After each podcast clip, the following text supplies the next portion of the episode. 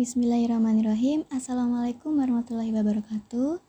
Alhamdulillahirrahmanirrahim. Wassalatu wassalamu ala asrafil anbiya wal mursalin. Sayyidina Muhammadin wa ala alihi wa ajmain amma ba'du. Sebelumnya, marilah kita panjatkan puji dan syukur atas kehadirat Allah Subhanahu wa taala yang telah melimpahkan segala nikmat dan karunia-Nya sehingga kita dapat kembali merasakan bulan yang penuh rahmat dan berkah ini sampai akhir. Salawat serta salam tak lupa kita aturkan kepada junjungan kita Nabi Agung Muhammad Sallallahu Alaihi Wasallam karena beliaulah sang revolusioner sejati yang telah menyelamatkan kita dari kejahiliahan menuju keislaman. Di penghujung bulan suci Ramadan ini, kita dipertemukan kembali secara virtual, namun hanya dengan foto dan suara saya saja. But it's okay, we will meet as soon as possible. Dan dengan hadirnya saya di podcast NPK kali ini, sekaligus sebagai penutup episode ini, saya akan mencoba seperti kader-kader di MMFP sebelumnya untuk menyampaikan sedikit dari apa yang saya ketahui. Saya bukan bermaksud untuk menggoda teman-teman semua, tetapi saya hanya berusaha untuk berbuat baik dengan pesan singkat dari saya. Tak terasa ya, bulan Ramadan sudah akan pergi meninggalkan kita. Padahal baru kemarin kita mulai puasanya. Dan tahun ini merupakan tahun kedua kita puasa di tengah-tengah pandemi yang belum tahu kapan usainya. Namun saya yakin usaha teman-teman untuk mendapatkan ampunan dan pahala dari Allah di bulan ini tidak surut. Terbukti dengan adanya podcast ini. Terima kasih sudah menemani kami di setiap paginya. Ya, walaupun terkadang uploadnya siang sih, tapi tetap tidak akan meninggalkan makna dan manfaatnya. Oke, sebelumnya saya ingin mengajak teman-teman berterima kasih dulu nih kepada bulan Ramadan sebelum bulan Ramadan berpamitan dengan kita. Terima kasih bulan Ramadan Engkau sangat baik. Di tahun ini, Engkau berikan kabar bahagia untuk kami. Kabar keberhasilan akan suatu hal, kabar bahagia dari orang lain, dan kabar-kabar bahagia lainnya yang membuat kita semakin bersyukur. Terima kasih juga atas ujian dan mungkin kabar kurang baik atau bahagia untuk kami. Sedih karena tidak bisa mudik, sedih karena kehilangan sesuatu atau seseorang, lelah yang semakin lelah, dan ujian lainnya yang membuat kita semakin berusaha mendekat kepadanya untuk memperbaiki diri. Wahai bulan suci Ramadan, kami sedih karena engkau akan pergi sebentar lagi.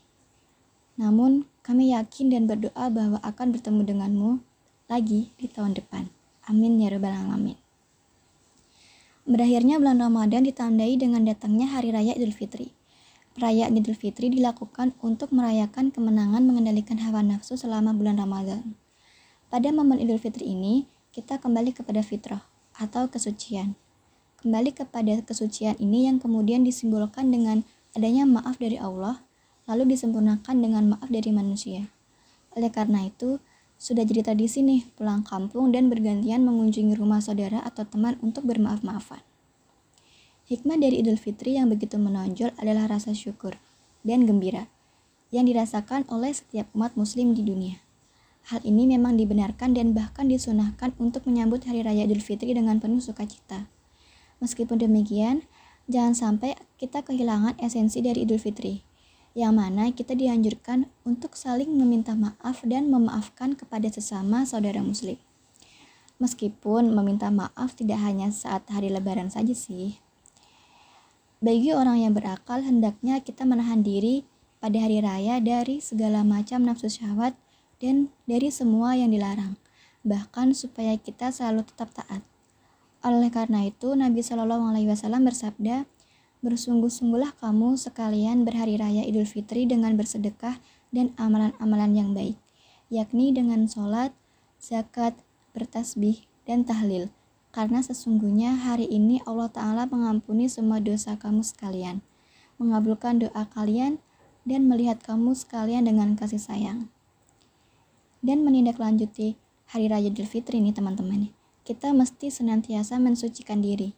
Sebagaimana firman Allah dalam surat Al-A'la ayat 14 sampai 17 bahwa sungguh beruntung orang-orang yang senantiasa mensucikan diri, yakni orang-orang yang senantiasa menyebut asma Allah, senantiasa menidakkan sholat, mampu menahan diri di dunia dan senantiasa merindukan kehidupan akhirat. Menjelang Hari Raya Idul Fitri, kita memang mesti harus bahagia karena pada hari itu umat muslim mendapatkan ampunan dari Allah Subhanahu wa taala. Untuk merayakannya, kita dianjurkan oleh Nabi Shallallahu Alaihi Wasallam untuk memakai baju baru, saling berkunjung maaf-maafan, bahkan boleh untuk menghidangkan makanan atau kue kepada saudara Muslim yang datang berkunjung. Ya, meskipun mungkin di tahun ini kita tidak bisa bebas berpergian selayaknya tahun-tahun sebelumnya. But I believe that we can be patient to wait. Kita bahagia saat Hari Raya Idul Fitri. Tetapi kita juga harus bersedih di Hari Raya Idul Fitri jika ternyata kita belum mendapatkan ampunan dari Allah. Dan dari sumber yang saya baca, ada beberapa golongan manusia yang tidak akan mendapatkan ampunan dari Allah pada hari raya Idul Fitri. Satu, orang yang melalaikan sholat lima waktu. Dua, orang yang tidak berpuasa pada bulan Ramadan, kecuali orang-orang yang diperbolehkan untuk tidak puasa, seperti yang sudah dijelaskan Imam Sikri pada podcast ini. Yang ketiga, orang yang tidak menunaikan zakat. Yang keempat, orang yang meminum hamer atau minuman keras. Kelima, orang yang durhaka dan belum berbakti kepada kedua orang tua. Keenam, orang yang memutuskan tali silaturahmi dan suka bermusuhan. Ketujuh, orang yang enggan memaafkan. Dan yang terakhir, orang yang ucapannya dan tingkah lakunya suka menyakiti orang lain. Jika kita termasuk di antara golongan orang-orang tersebut, maka kita seharusnya bersedih pada hari raya. Tamparan untuk saya sendiri sih, karena saya juga tidak tahu apakah ibadah saya selama bulan Ramadan ini sudah baik, dan saya juga tidak tahu apakah saya memang sudah mendapatkan ampunan dari Allah. Namun, selagi kita benar-benar ada niat untuk merubah diri dan meminta ampunan kepada Allah dengan sungguh-sungguh, insya Allah, Allah akan mengampuni kita. Janganlah pernah berhenti untuk berbenah diri. Jika kita sudah tahu itu tidak baik, maka jauhilah. Menjelang hari kemenangan ini, yuklah kita bareng-bareng berusaha untuk tetap mempertahankan ibadah kita selayaknya kita berusaha selama bulan Ramadan ini. Sucikan diri dengan memperbaiki diri dan saling memaafkan kesalahan orang lain. Let us forget our mistake in the past dengan saling maaf-maafan dan semoga Allah memberikan kita kebahagiaan dan kemakmuran yang melimpah di ke depannya. Mungkin cukup kita bertemu di episode kali ini. Jika terdapat kesalahan dalam kata dan gaya bicara saya, saya mohon maaf.